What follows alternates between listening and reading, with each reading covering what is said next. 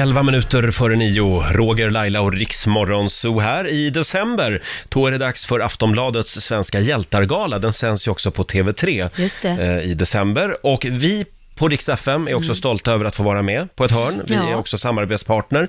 Och här i studion just nu så har vi en person som ja, har varit med om någonting unikt och väldigt skrämmande. Eh, välkommen säger vi till Lukas, Lukas Sjölund Jurado. Får en applåd av oss. Tack, tack. God morgon Lukas. Och du har ju även med dig din fru, Victoria. God morgon. Hej. Hej! Ja, Lukas, det som hände den 31 maj 2016, det är verkligen någonting eh, skrämmande.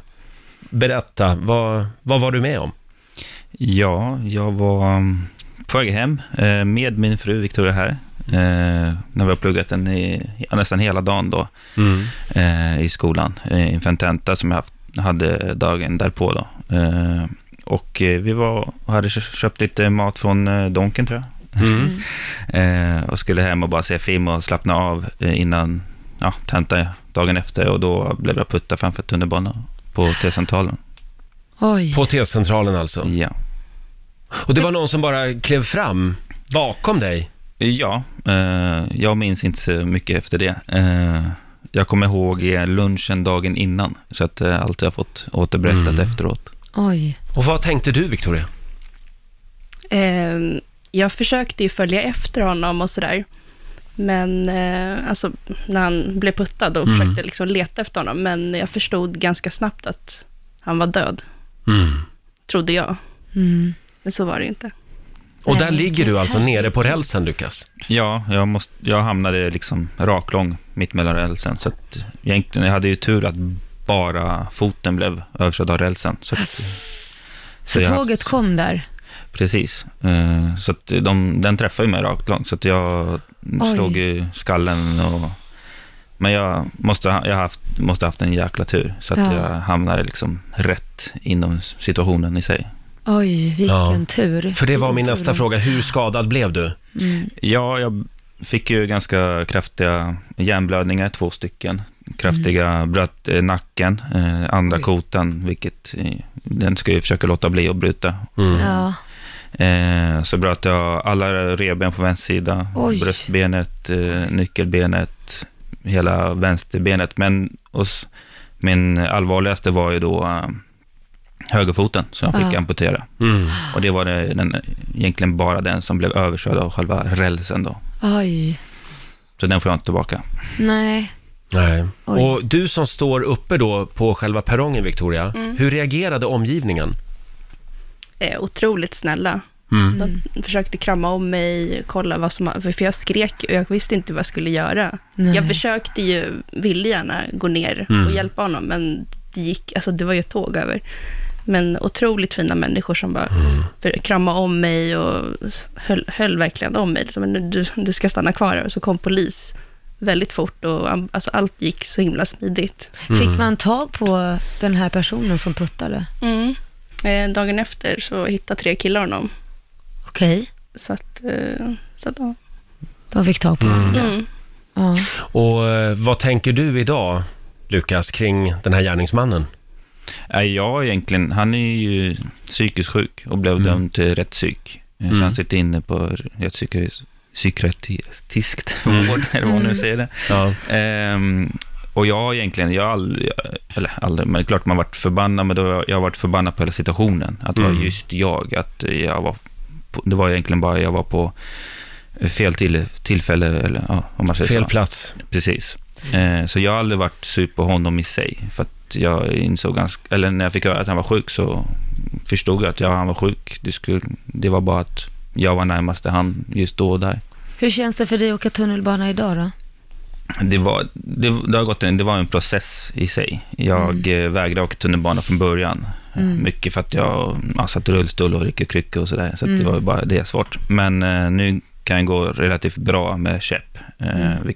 Som, och jag tränar varje, eller varje dag, jag inte det, tar i mig. Men eh, Försöker. försöker Ja. träna mycket. Eh, och jag åker tunnelbana nu. nu eh, och det känns bra. Det blir lite så här jobbigt när det är mycket folk, när det är Mm. trafik och så, Mm. men det funkar. Mm. Och Victoria, det här måste ju naturligtvis ha påverkat ditt liv otroligt Mm. mycket också. Mm. Eh, tunnelbana, tåg, allt sånt där var, alltså det var tufft. Mm. Eh, så att vi åkte faktiskt på tågluff i Italien för att jag sk- tillsammans. Ja, Det var så vi bearbetade. lite KBT. Ja, exakt. Ja. Det var min idé faktiskt. Ja, det var ju jättebra Bra. faktiskt. Gud vad modigt. Och de som du, du vill hylla idag, Lukas, det är ju de här naturligtvis brandmännen. Ja, eh, Nils och Roger, eh, Mm. som vi, ja, utan dem hade jag, eh, jag vet inte hur det hade blivit. De räddade ju bokstavligen mitt liv. Vad var det de gjorde? Det var de, det var de första som verkligen tog hand om mig under rälsen. Liksom kröp ner under rälsen, eh, såg till att, tänkte på alla delar, tänkte på att han kan ha brutit nacken, vi tar hand om nacken. Mm. Eh, Vi vet inte vilka interna skador och blödningar han har.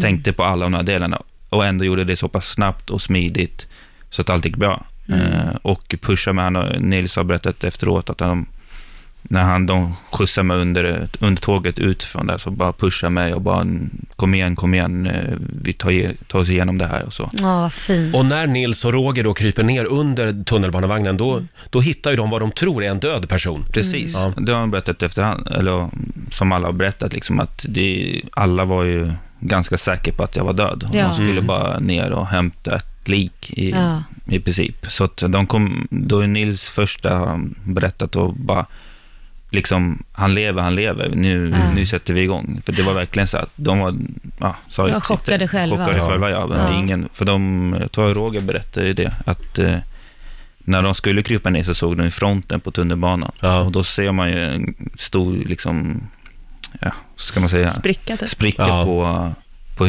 fronten. Och Mm. bara, där mitt huvud har slagit till. Uff, Och då, de bara, det finns inte en chans att de överlever det här, att han har överlevt det. Så nej. att de var ju själva jätteförvånade. Oj, oj, oj.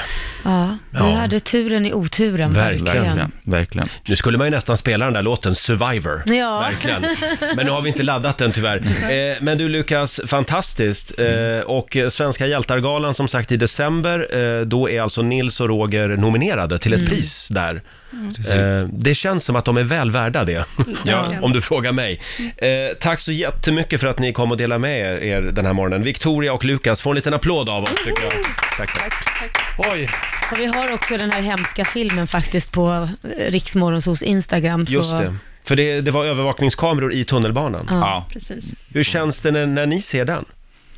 Ja, för Har ni mig- sett den? Ja, jo, vi har sett den Jo. ett par gånger. Eh, för mig är det ju, för jag kommer inte ihåg någonting. Så Nej. att för mig är det som att se en film med någon Mm. annan. Jag känner igen mig själv och Mm. liksom, Vad jag vet läskigt att det är jag, men det känns inte som att det är jag, för jag kommer inte ihåg någonting. Usch, vad läskigt. Ja.